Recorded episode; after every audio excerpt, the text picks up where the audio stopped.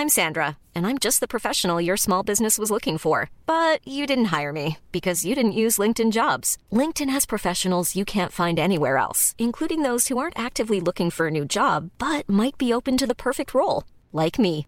In a given month, over 70% of LinkedIn users don't visit other leading job sites. So if you're not looking on LinkedIn, you'll miss out on great candidates like Sandra. Start hiring professionals like a professional. Post your free job on linkedin.com/people today. Ready to pop the question? The jewelers at BlueNile.com have got sparkle down to a science with beautiful lab-grown diamonds worthy of your most brilliant moments. Their lab-grown diamonds are independently graded and guaranteed identical to natural diamonds, and they're ready to ship to your door. Go to BlueNile.com and use promo code LISTEN to get $50 off your purchase of $500 or more. That's code LISTEN at BlueNile.com for $50 off. BlueNile.com code LISTEN. Burrow is a furniture company known for timeless design and thoughtful construction and free shipping, and that extends to their outdoor collection. Their outdoor furniture is built to withstand the elements, featuring rust-proof stainless steel hardware, weather-ready teak, and quick-dry foam cushions. For Memorial Day, get 15% off your Burrow purchase at burrow.com slash ACAST and up to 25% off outdoor. That's up to 25% off outdoor furniture at burrow.com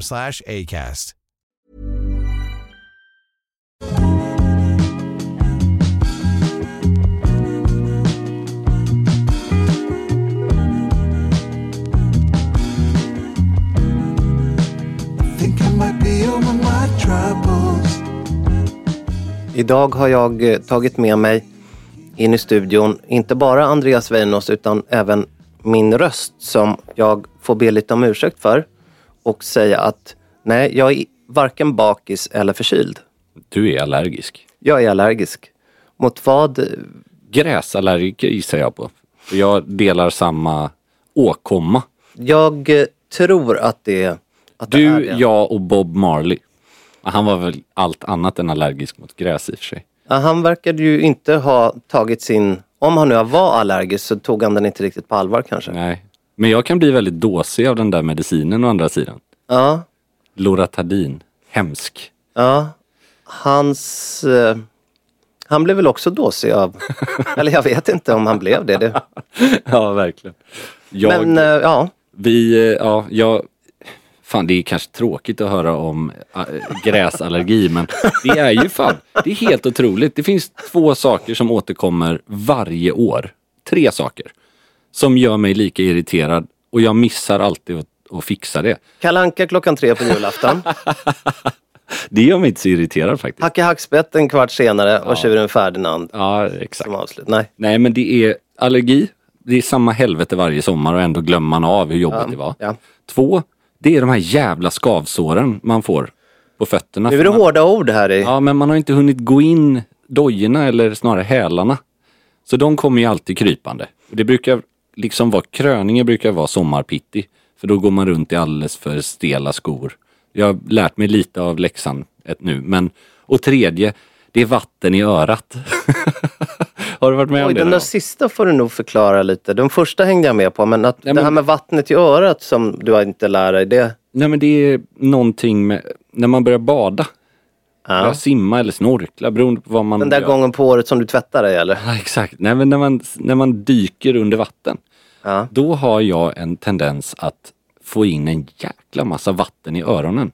Och det kan leda till att jag typ inte hör någonting på hela dagen efter.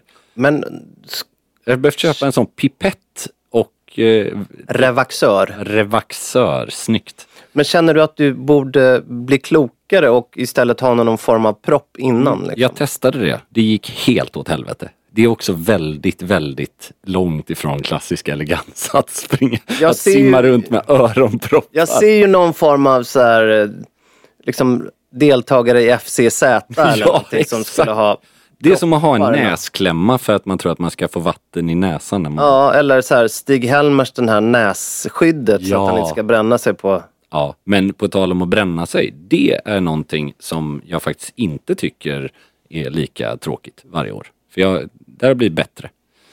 Eh, någonting vi har varit väldigt bra på det är ju att njuta av eh, livet i... bokstavligen talat i champagne. Ja, vi nämnde ju det här i slutet på förra avsnittet att vi skulle på resande fot igen. Och gud vad trevligt det var. 48 timmar i Champagne, närmare bestämt i Reims. Kan det vara så? Aj, Ja, eller så, hopp, så hoppar man äh, s kanske. Reim. Ja, ja, det är möjligt.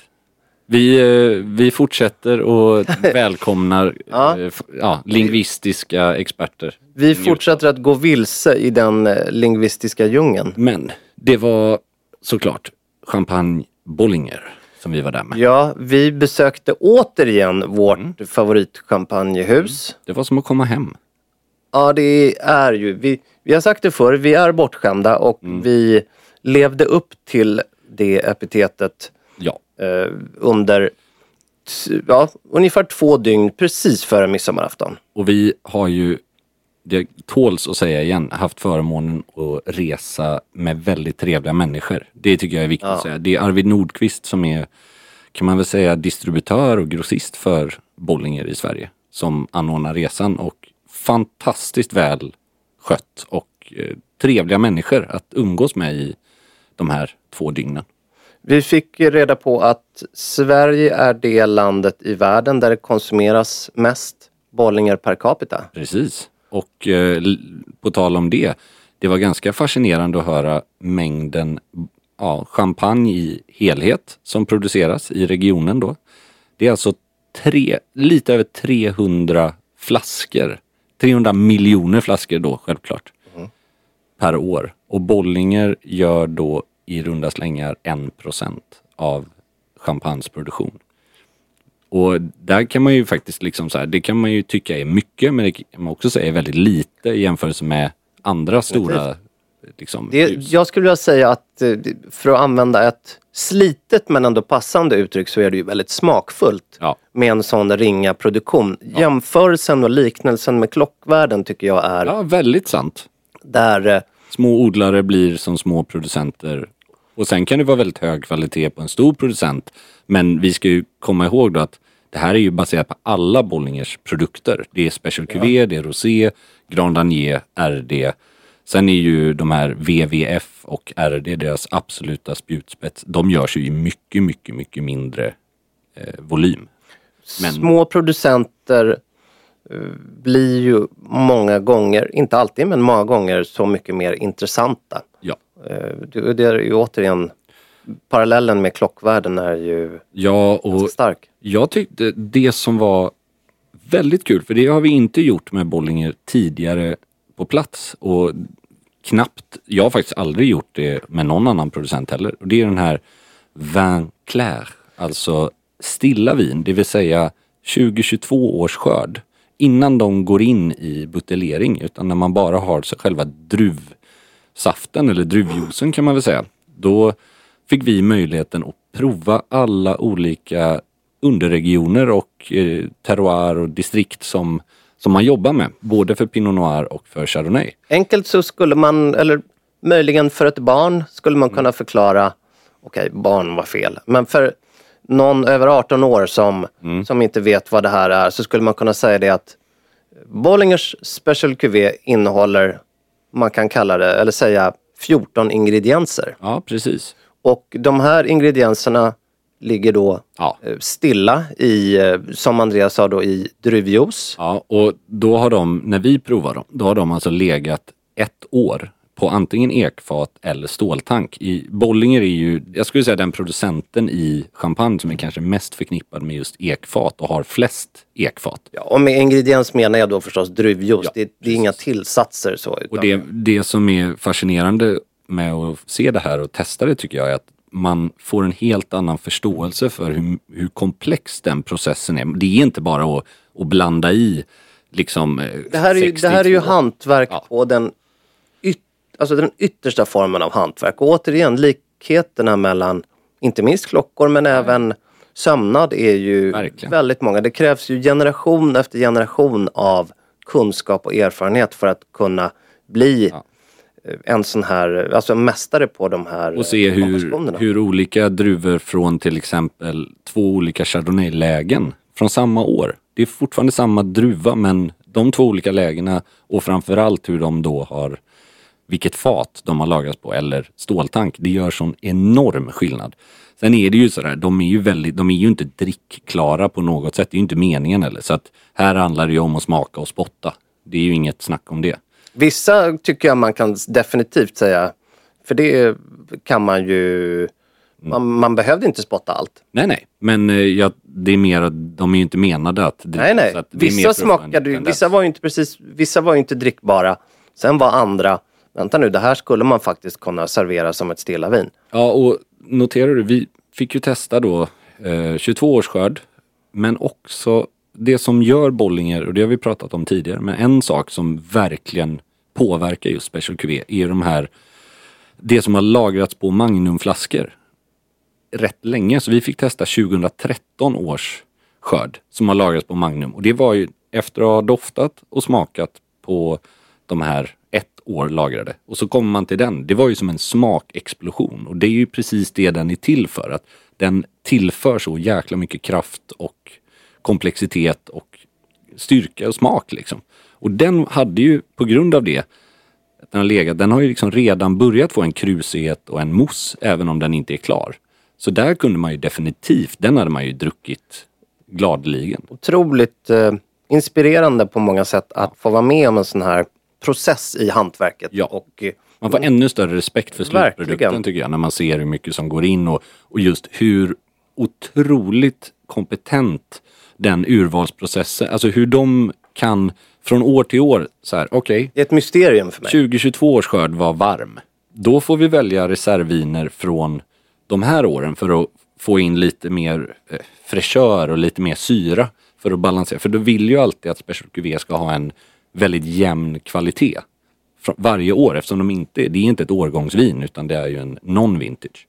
Men tänkte du på det som jag tog med mig mest det var att när man hade smakat och spottat de här, jag tror det var framförallt de 12 eller 13 olika Komponenterna. komponenterna. Och sen fick man ett glas Special QV, alltså nylanserad, färdig. Den var ju helt otrolig. För det var som... P- Ja, det var så gott så att Ja men pH-värdet i munnen hade ju, det var så, mycket, så hög syra i de här eh, unga. det var otroligt mycket syra och både du och jag nickade ju och tittade på varandra och konstaterade att det var så många av de här stilla vinerna, Van Claren, Mm. som, som både doftade och smakade Sauvignon Blanc. Ja verkligen, Och det- särskilt de på ståltank. Hängde ju ihop väldigt mycket med syrakänslan, även om det då såklart inte var Sauvignon Blanc. Men det var ju, att dricka det glaset Special QV, det kändes som att den flaskan var, hade lagrats i fem, tio år. Så Verkligen. den var ju liksom, det var ju den godaste Special QV jag har druckit. Just på grund av hur munnen eller då gommen Referensen reagerar. blev Ja, annorlunda. kontrasten liksom. Så det var fantastiskt. Sen eh, var det ju, alltså vi var ju på Ayala också, deras systerhus som är mer Chardonnay, alltså mer Blanc de Blanc dominerat om man säger så. Det är ju kanske inte riktigt min personliga favoritstil. Men jag måste säga att den Blanc de Blanc vi testade där från typ 2016, den var faktiskt över förväntan. Jag brukar tycka att de behöver ligga ganska länge för att inte få för hög syra liksom. Jag tycker ju att, eh, alltså det här kanske inte förvånar er kära, kära lyssnare men vi höll ju ställningarna rent estetiskt ute på fältet. Ja, ja. Det var inte blåställ på, Nej, jag hade i och för sig blå kavaj och blå skjorta. Det hade det du hade med. du. Men det var inte, det var inte Nej, fristadsställe. nej, det var det inte. Det var inga Nej, vi var synkade rent färgmässigt Ja, av någon. Det får vi lägga ut lite bilder på, tror jag. Vi hade, reste bara med handbagage. Rutinerat tycker jag. Det bör man göra. Vi hade ju en i sällskapet som inte gjorde det då. Vi var tio personer. Mm. Det var ju en tyst överenskommelse Exakt. bland oss övriga nio att inte totalt mobba ut Nej. eh, hen. Jag, jag, jag tyckte faktiskt lite synd om henne. Men eh, det är ju tyvärr så. På vägen hem hade det inte spelat någon roll. Nej. För då lämnar ju alla i egen takt. Men när alla står och väntar, det är ju tråkigt. Man lider ju lite med personen. Men eh, vi hade ju trevligt ändå. Ja, det var bara en eh, reflektion som vi ju har tagit upp tidigare här. Mm. Att har man möjligheten så reser man med Exakt. handbagage. Och sen direkt efter det var det ju midsommar och då drack jag faktiskt Bollinger också. Jag tog med en flaska Special QV till, eh, jag och min kära fru och min hund körde ju en riktig sån här eh, retreat i, i småländska skogarna. Med en liten timmerstuga, badtunna och bastu. Och en egen sjö. Hoppsan så. Äh, magiskt. Lagade ni egen mat också? Eller? Det gjorde vi. Det var, allting var över öppen eld. Så att lagade först lite midsommarlunch. Ja, färsk potatis med dill och Oj, oj, oj, sill och oj. lite sånt där. Det är ju ganska enkelt att ta med och fixa. Men sen blev det risotto med eh, oxfilé. Gud vad härligt. Jag tillbringade midsommar hos en väldigt nära vän Mm. och han har ju gått och blivit vegetarian. Jaha, Men han gjorde ju det fina då att han lagade ju mat med kött och fisk som jag och hans barn. ja, det var ju väldigt Det var generöst. väldigt fint och det hade han inte behövt göra men jag tyckte det var en väldigt fin gest. Vi har ju pratat så otroligt mycket glas och vikten av glas. Den här midsommar var ett väldigt tydligt tecken på hur viktigt det är. För när man är på en sån här liten stuga vi var, och glas är inte det enklaste att släpa med sig av flera anledningar liksom. Men, eh, Din timmerstuga i de småländska skolan, Nej. skogarna, nej. men, och då fanns det små såna här supergulliga, ja men tänk franska bistroglas liksom. Inte speciellt sexiga, pyttesmå. Typ Duralex. Ja, men, ja, eller det var typ lite kristallaktiga Ah, okej, men, men ja. de var väldigt små och de var väldigt okompatibla för vin egentligen. Och sen så fanns det vad man skulle kunna säga ölkupor. Mm, jag hade tagit ölkupan till champagne. Det kan jag säga att Det blev var klar vin. Det är alltså att jämföra och då tycker ju, alltså man har druckit Special Cuvée rätt många gånger i sitt liv. Haft förmånen. Och det var ju som natt och dag. Det var som att jämföra, det blev liksom lite äpplemust i de här små. Du får inte den här stora komplexa. Nej. Så jag skulle säga att det är nästan det alltså, viktigaste man ska tänka på. Om man vill få ut mest av ett vin. Det är att dricka det. Och det behöver inte vara så här specifika glas för varje druva. Det där tycker jag har gått alldeles för Kanske långt. inte i timmerstugan i de Nej, men, småländska skogarna. men om man köper ett bättre vin eller ett finare vin, då är det nästan, det är lite pärlor för svin faktiskt. Att dricka det i för, för små eller för, eh, ja, Får inte alls samma upplevelse. nej. Sen är det ju jättemysigt, man kan ju, alltså jag kan fortfarande romantisera de här franska bistro och ta in husets vin. För då är det inte så stor skillnad. Det blir en annan sak. Exakt. Men eh, alltid kupa om man... Och det kan du dricka rött, vitt och bubbel i. Det, det här att dricka i flöjtglas, det har vi väl avfärdat. Vi här. gjorde, vi gjorde ju det faktiskt. Vi var på en, på en väldigt trevlig fransk bistro. Mm. Fantastisk mat och dryck. Mm. Där är det då, Ja, på, i champagne gjorde vi det. I champagne, ja. ja. just det. och det, I champagne dessutom låg den här restaurangen. Helt overkligt av dem att... men jag tror att de, ja, ibland, Alltså, so, även solen har fläckar, så är och det ju. en viktig grej att eh, påpeka här. Precis som att man inte kommenterar på någon annans klädval på ett bröllop huruvida de har brutit mot klädkoden eller inte. Då, om man inte är den som betalar för notan, då kommenterar man inte vad det är för glas.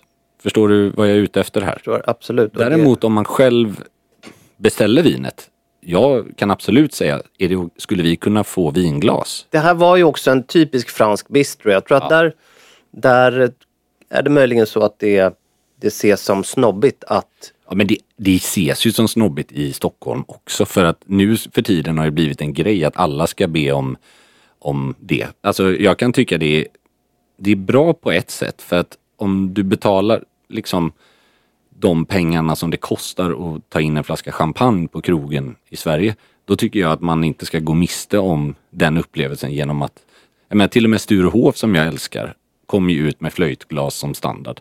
Sen är ju de väldigt medvetna om att, så att beroende på lite vad du beställer kanske och, och så här, du får ju alltid ett vitvinsglas eller en kupa istället om du vill. Så de är ju väldigt så här, det är bra service men det är märkligt ändå. Mycket märkligt. där kom grästussen upp. Ja, gott. Nej, Annars gott var då? det inte, men Händer det något annat kul? det gör ju det. Har du något att bjuda på eller? Ja, jag har det. Och det är det faktum att du ska få börja idag. Det är det som Ja, är, ja, men det kan jag göra. det är, det som är min fina gest till dig. Men först ska jag ge en komplimang till din fantastiska skjorta. Ja, det var snällt. Som jag inte riktigt kan se med ögat om det är bomull eller linne. Men Det är linne faktiskt. Om det inte är någon linne-bomullsblandning. Men det, den är, det är linne. En vit med geometriskt eh, vävt mönster i. Från Eton. Som faktiskt var med i det samarbetet vi gjorde i Florens. se där, En resortskjorta. Här Bowlingkrage. Väldigt mysig. mycket elegant. När man är, när det är 27 grader i Stockholm och ja, semestern börjar annalkas. Kvicksilvret är på oerhört gott humör. Ja, verkligen. Går mot nya höjder varenda timme här. Men eh, vi har fått ett mejl som rör råsilke. Denna underbara fiber. Det här ska vi grotta ner oss i. Jag har sett att det blivit populärt med raw silk på senare dagar. Till exempel Saman Amel, Blue Jallo med flera använder detta. Hur är er take på att köra smokingkavaj i detta? Ett exklusivt tyg, men riskerar det kanske att dra ner formaliteten eller vara för lik en vanlig kavaj? Då man tappar till exempel eh, sil- ja, silkesslagen. Upplevelsen av cirkuslagen och gissar Ja, att jag, han jag menar. tror att han menar det. Och jag kan väl säga så här. Det, jag det, det är två olika saker vi ska prata om här. För er som har följt oss på Instagram så kan man ju se lite bilder från vår middag med Bollinger på Nobis. Då bär väl du Då har jag en vit råsilkekavaj från Mond av Copenhagen, en måttsydd. Och det är ju i vitt tycker jag att den är magisk i råsilke. För det är, du får den här, det man kallar slabbiness, alltså det, det är som en textur. Jag skulle vilja trycka lite på paus och Mm. först att vi ska reda ut vad skillnaden är. Och det, nu sa ju du det. Ja. Men att det är just lite textur. Det är det som skiljer från vanligt. Ja. Det, den är ju, I mitt tycke så är den ju mattare Mycket mattare. och lite mer, den är mer strukturerad. Precis, det här är inte den typen av silke som man gör eh, till exempel eh, printade slipsar i. Nej. För den är ju väldigt Den är slät och väldigt ruffigare. Ja, den här är, det kallas ofta dupioni silk när man gör kavajer och dylikt. Och jag skulle säga att det är inte ett optimalt tyg om du ska göra hel kostym. Det blir väldigt lyxigt. Det är ganska varmt tyg faktiskt. Det tror man inte. Man tänker att det ska vara som linne men det är, det är ganska tungt och ganska varmt.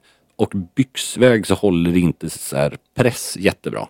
Så det är lite som kashmir, att magiskt för kavajer men inte så bra för byxor. Slits lite snabbare också. Men råsilkekavaj är en av de härligaste plaggen i garderoben. Om du gör en benvit, då ska du aldrig ha silkesslag, alltså sån här eh, ribbat silke, Nej. för det ser hemskt ut. Då ska du bara ha samma material som är i resten av kavajen. Tänk bara att du gör en helt vanlig enkel eller dubbelknäppt kavaj med spetsiga slag säger vi. För den använder jag faktiskt till, till vardags också, alltså till ett par jeans eller till en, eh, en, ett par beiga byxor eller sådär. Och gör du den i svart istället då, som en klassisk smoking, då skulle jag absolut ha ribbat siden för att särskilja den. Problemet är bara med en svart råsilkekavaj, för den kan vara magisk, men du har ju svarta byxor till. Risken är att det kan se lite brutet ut. För du har svart, säg mohair eller fresco-byxa eller något sånt där. Och då får du en helt annan textur på byxa och kavaj. Så för mig är det benvitt som är bäst när man gör en sån. Eller att man, ja du kan ju göra en svart råsilkekavaj utan såna, utan ribbat silke på slagen och bara ha den som en, som en lite halvskön kavaj. Som du kan ha med svarta jeans eller så här. Det funkar men just formella tillfällen så skulle jag nog gå på en klassisk smoking i svart. Där, ja, där tyget är samma som byxan och Ja. helst västen också. Det är bara Men det är ju, take. det ger ju en lite, vad man kan kalla för punkigare. Ja, precis. Och förvånansvärt användbart i andra situationer. Jag bär ju mycket mer svart idag än vad jag gjorde för några år sedan och det är ju väl bara ett tecken på att även en gammal hund kan lära sig att sitta eller på att säga. Ja, nej, men det, det, Ja men typ på ett sätt där det handlar, med, med svart tycker jag handlar det allt om textur. För att, att gå runt i en svart liksom polyesterkostym, då ser du ut som en dörrvakt på Chanel-butiken. Det är inte så eller kul. en taxichaffis. Eller en taxichaffis. Och de tygerna kan bli ganska trötta i svart, även, även 100 ull. Men om du får in typ på, på vintern till exempel, om du har kashmir, kamelhår eller flanell i svart. Och ett par mocka loafers till. Exakt. Otroligt snyggt. Underbart. Och just svarta jeans som kanske har tvättats en gång så de blir lite, inte gråa men liksom får lite lite skiftning i sig. Då får du de här olika tonerna av svart. Vilket är lite motsägelsefullt eftersom svart är svart. Men då får du olika nyanser, olika toner och framförallt olika textur. Så kan man ha en, en svart piké eller en svart rundhalsad t-shirt eller stickad tröja. Då Ja. får du en helt tonal look som kan vara väldigt fint. Det är min... Det, det, är- jag kan bara hålla med. Jag har ju varit svag för svart under en längre period än vad du har. Men det är ju, Nej, det är ju en, en smaksak och vissa saker behöver, ju, jag behöver, kommer man ju, behöver man ju lite tid för. Du körde ju svarta jeans till smokingjacka redan liksom när du var i Houston med... med eh, Redan när jag åkte till månen. ja, precis. Redan på månen hade jag ju svarta Redan jeans. 69. Ja men det gäller ju att matcha sitt krokoband till Speedmastern. Så är det. Så är det. Så är det ju faktiskt. Ja, men så det var lite, lite råsilke. Det är ju tyvärr ganska dyrt. Om man köper en, en måttsydd kavaj så kan de inte sällan landa på liksom 20 000 spänn. Det är typ som kashmir på många sätt i pris. Vilket gör att jag skulle ju kanske inte rekommendera det som första smokingjacka eller säga att det är det mest prisvärda alternativet. Men det är fortfarande ett av de härligaste liksom. Nej men jag, verkligen. Och nu är det ju supervarmt och det är sommar men Mm.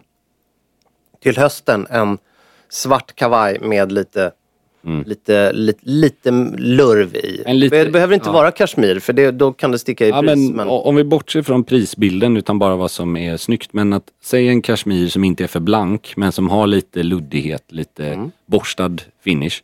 Och sen har du klädda knappar på. Så att då får du ju, för det du inte vill ha är ju så här kontrasterande knappar på någonting helst. Pärlemor kan vara väldigt snyggt också. Klädda knappar eller pärlemor på, då får du direkt lite mer av en smoking eller vad är det man säger, cocktail evening wear typ. Utan att det behöver vara black tie på inbjudan. Ganska mysigt.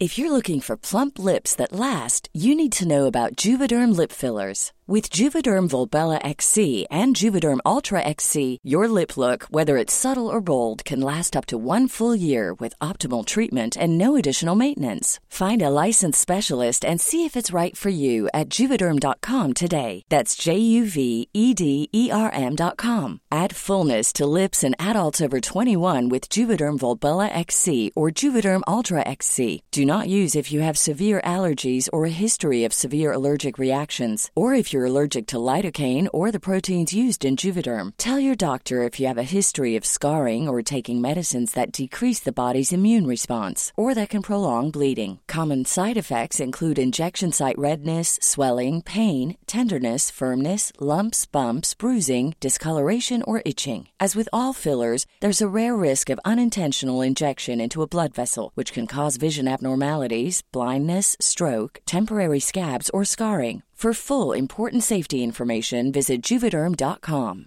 I'm Sandra, and I'm just the professional your small business was looking for. But you didn't hire me because you didn't use LinkedIn jobs. LinkedIn has professionals you can't find anywhere else, including those who aren't actively looking for a new job but might be open to the perfect role, like me. In a given month, over 70% of LinkedIn users don't visit other leading job sites. So if you're not looking on LinkedIn, you'll miss out on great candidates like Sandra. Start hiring professionals like a professional. Post your free job on linkedin.com/people slash people today. Hey, it's Paige DeSorbo from Giggly Squad. High quality fashion without the price tag. Say hello to Quince. I'm snagging high-end essentials like cozy cashmere sweaters, sleek leather jackets, fine jewelry, and so much more. With Quince being 50 to 80% less than similar brands. And they partner with factories that prioritize safe, ethical, and responsible manufacturing. I love that. Luxury quality within reach. Go to quince.com slash style to get free shipping and 365 day returns on your next order. Quince.com slash style. Burrow is a furniture company known for timeless design and thoughtful construction and free shipping, and that extends to their outdoor collection. Their outdoor furniture is built to withstand the elements, featuring rust-proof stainless steel hardware, weather-ready teak, and quick-dry foam cushions. For Memorial Day, get 15% off your Burrow purchase at burrow.com slash ACAST and up to 25% off outdoor. That's up to 25% off outdoor furniture at burrow.com slash ACAST.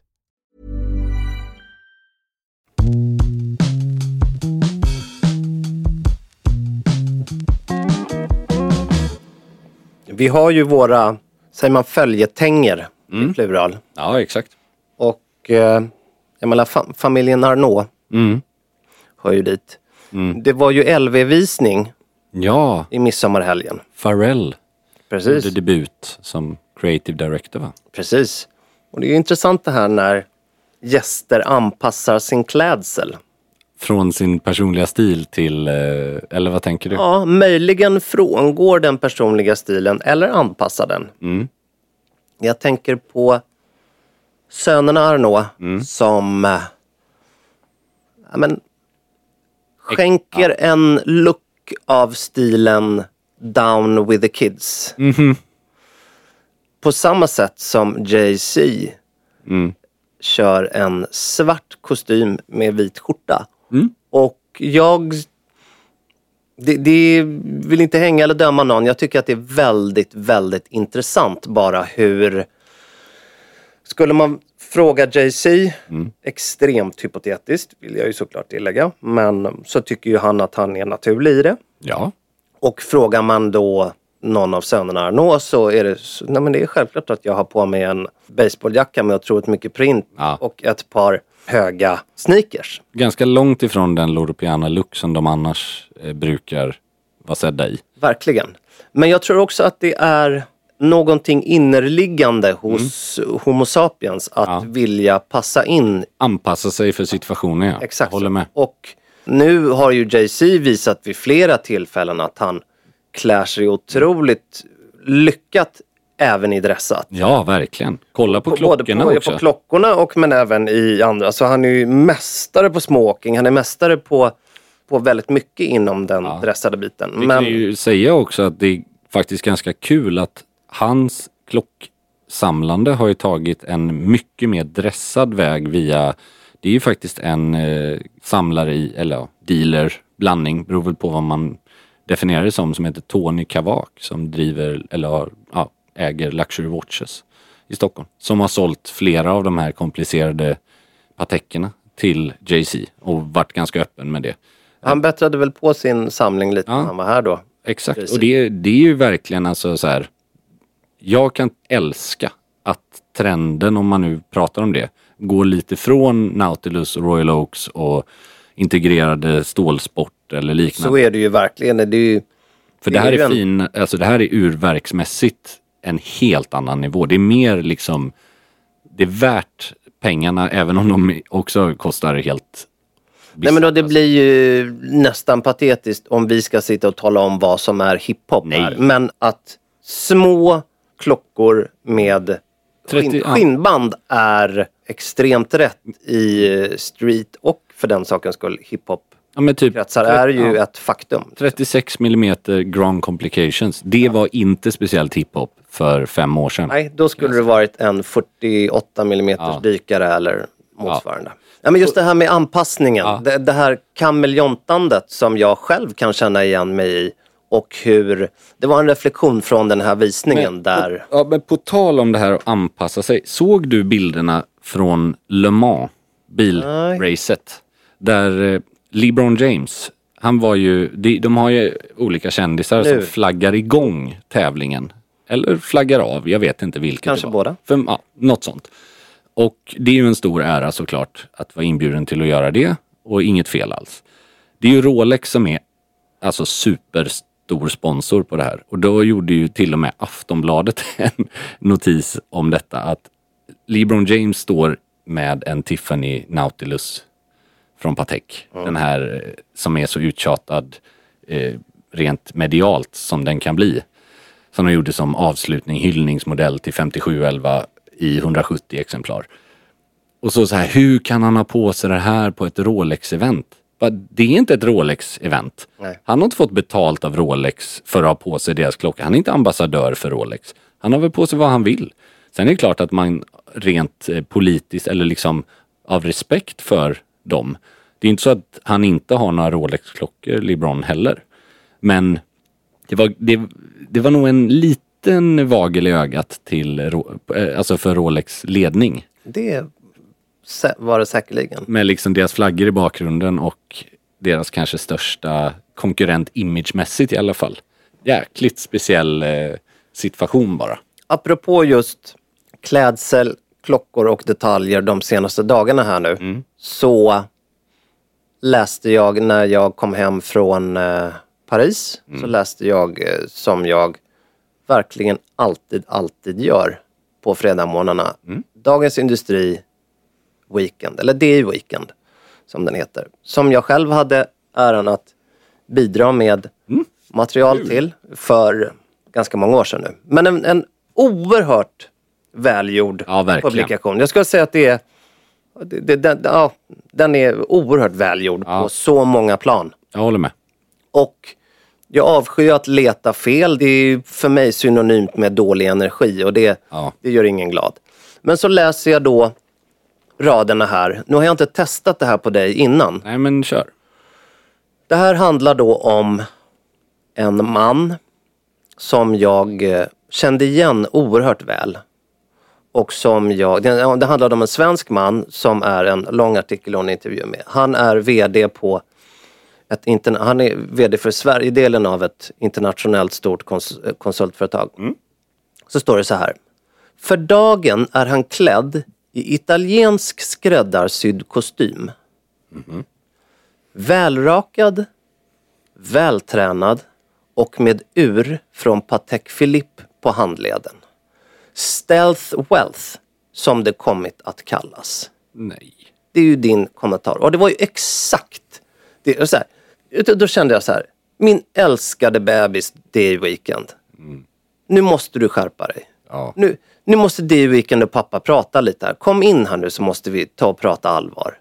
Men alltså, Alltså det väl, finns väl ingenting stealth wealth med ett ur från Patek. Alltså, Patek, skräddarsydd kostym. nej, det är ju ingenting diskret, alltså överhuvudtaget är det där längre. Sen kan det ju vara så, alltså visst det är väl lite, det, jag kan köpa det lite att, att du har en skräddarsydd kostym utan ett varumärke, men det är ju, det är ju looken är ju fortfarande inte, det är ju inte direkt Nej, men, glida för dessutom så pratar de då om skräddarsydda kostymer om jag minns rätt. Okej. Han vet ju uppenbarligen att det är en skräddarsydd Ja, ja, ja, det är sant. Ja, Ska då jag är vara på ju... mitt ännu Ja. sämre humör nu Ja, kör.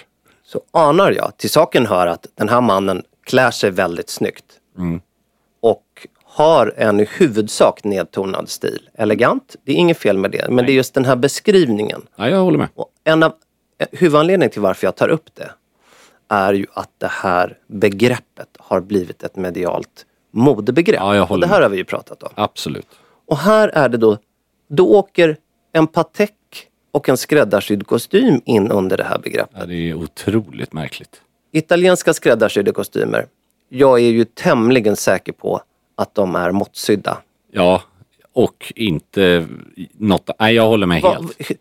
Absolut, de kan vara italienska och skräddarsydda men jag har, jag har ganska svårt att tro att han åker till Robinacci eller ner till Neapel eller... Jag har väldigt svårt att tro att, eh, inget ont mot skribenten i frågan, men att de skulle förstå skillnaden på måttsytt av en italiensk producent i Stockholm och ett italienskt skrädderi på plats. Och det kan man tycka är hår, att, hårklyveri, men det är en jäkla skillnad. Men visst är det. Och nu är det ju, kan man ju tycka att det också kastar sten i glashus när jag som ändå är aktiv i mediebranschen ska kommentera Ja, ja. någon annans text. Men nu blev det så av den enkla, enkla anledningen att det här blir liksom en röd tråd i Mm. när media fastnar för, för modeord. Ja, jag håller med Hur någonting, och modebegrepp i det här fallet då.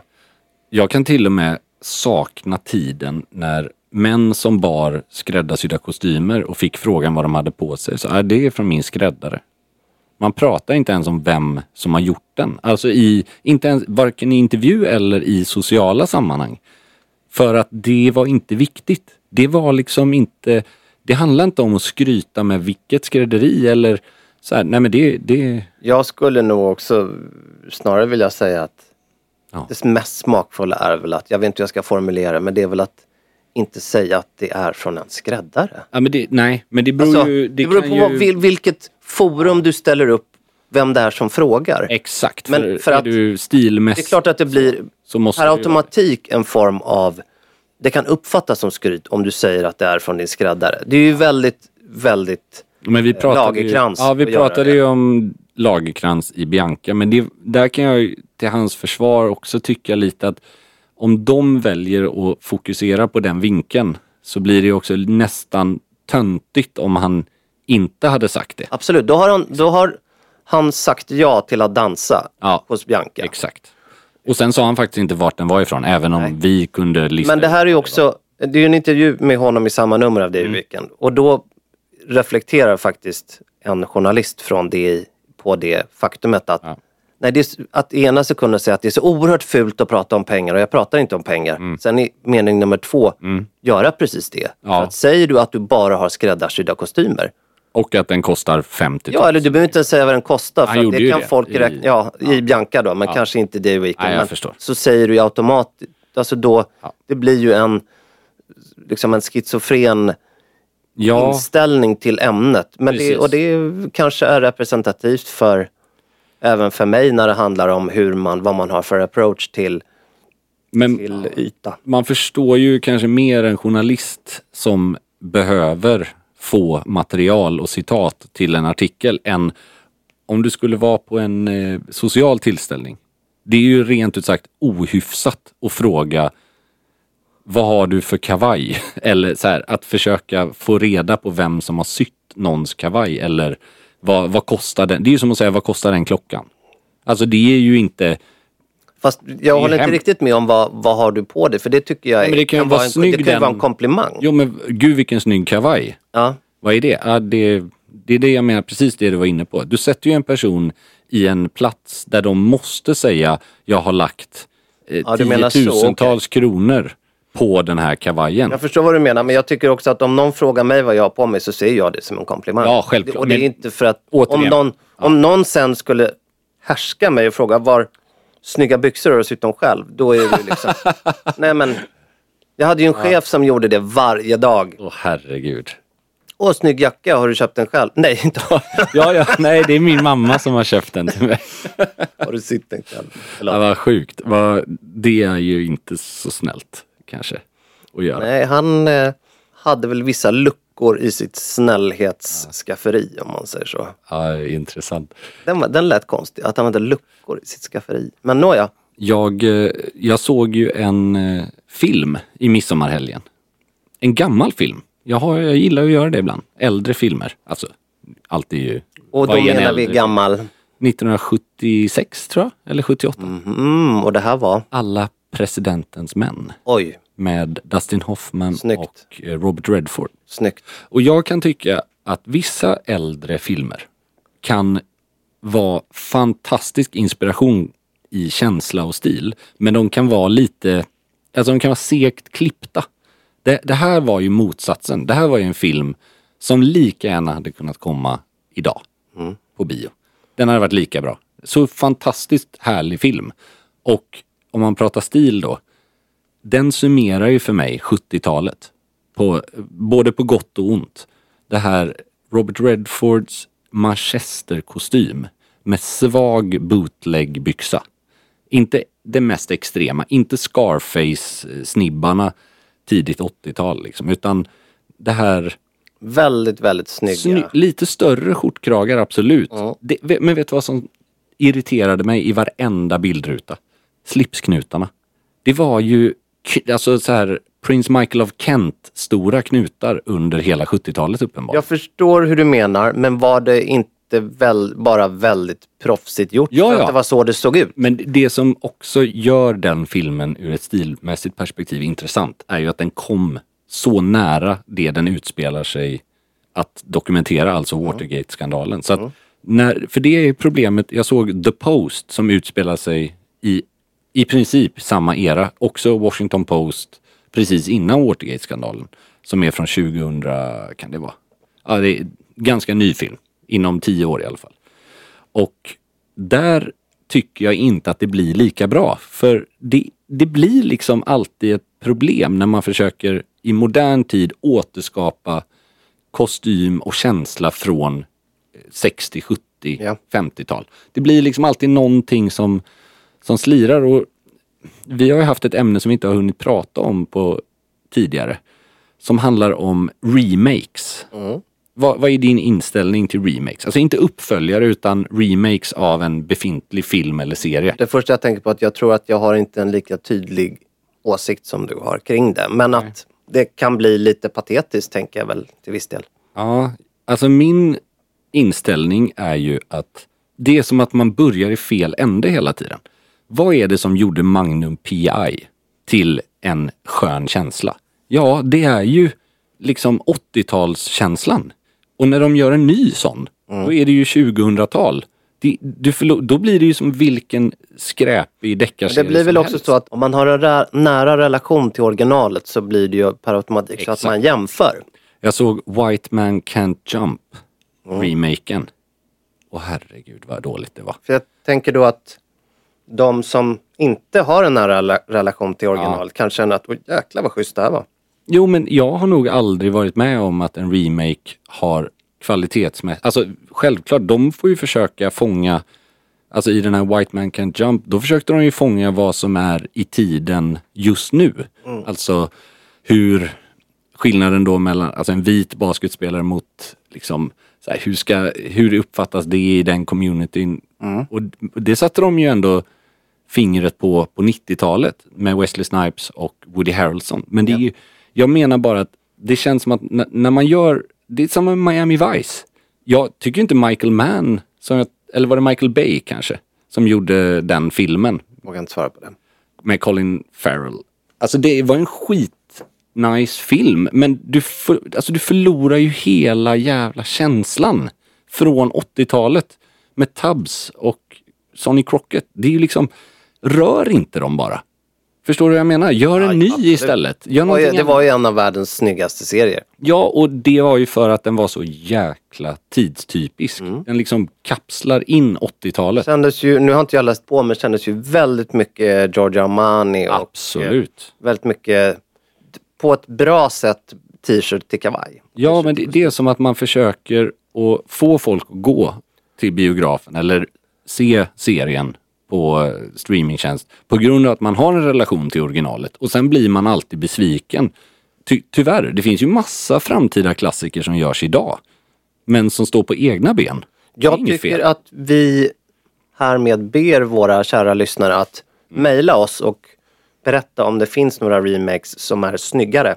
Ja, det finns en, originalet. tycker jag, som fortfarande kan... Det finns två till och med. Talented Mr Ripley tycker jag är bättre Ja. än Plain Soleil. Även om den är väldigt snygg, Plain Soleil, med Alain Delon, som är väl 60-70-tal va? Ja. Och sen har du eh, Thomas Crown Affair. ja. Alltså filmmässigt så är ju den från 99 med Pierce Brosnan Jämfört med Steve McQueen. Alltså stilmässigt Steve McQueen grym, filmmässigt katastrof. Alltså inte speciellt bra film. Nej. Faye Dunaway, alltså det är ju mycket, mycket charm i originalet men jag skulle nog säga att den, de behåller fortfarande den här gentlemannatjuvkänslan. Den är, det är liksom, den står sig starkt. Jag tycker att eh, lyssnare, mejla in era tankar och möjligen exempel i det här. Kul.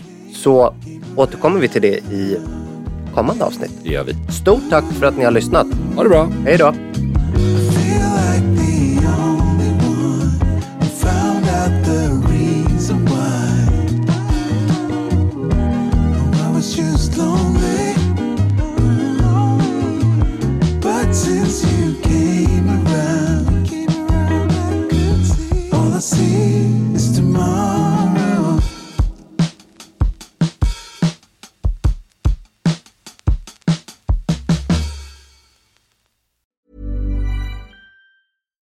Deserves the best, and there's no better place to shop for Mother's Day than Whole Foods Market. They're your destination for unbeatable savings, from premium gifts to show-stopping flowers and irresistible desserts. Start by saving 33% with Prime on all body care and candles. Then get a 15-stem bunch of tulips for just $9.99 each with Prime. Round out Mom's menu with festive rosé, irresistible berry chantilly cake, and more special treats. Come celebrate Mother's Day at Whole Foods Market. Imagine the softest sheets you've ever felt. Now imagine them getting even softer over time. That's what you'll feel with Bowl and Branch's organic cotton sheets. In a recent customer survey, 96% replied that Bowl and Branch sheets get softer with every wash. Start getting your best night's sleep in these sheets that get softer and softer for years to come. Try their sheets with a 30-night guarantee. Plus, get 15% off your first order at bowlandbranch.com. Code BUTTERY. Exclusions apply. See site for details. Planning for your next trip? Elevate your travel style with Quince. Quince has all the jet setting essentials you'll want for your next getaway, like European linen, premium luggage options, buttery soft Italian leather bags, and so much more. And is all priced at 50 to 80% less than similar brands.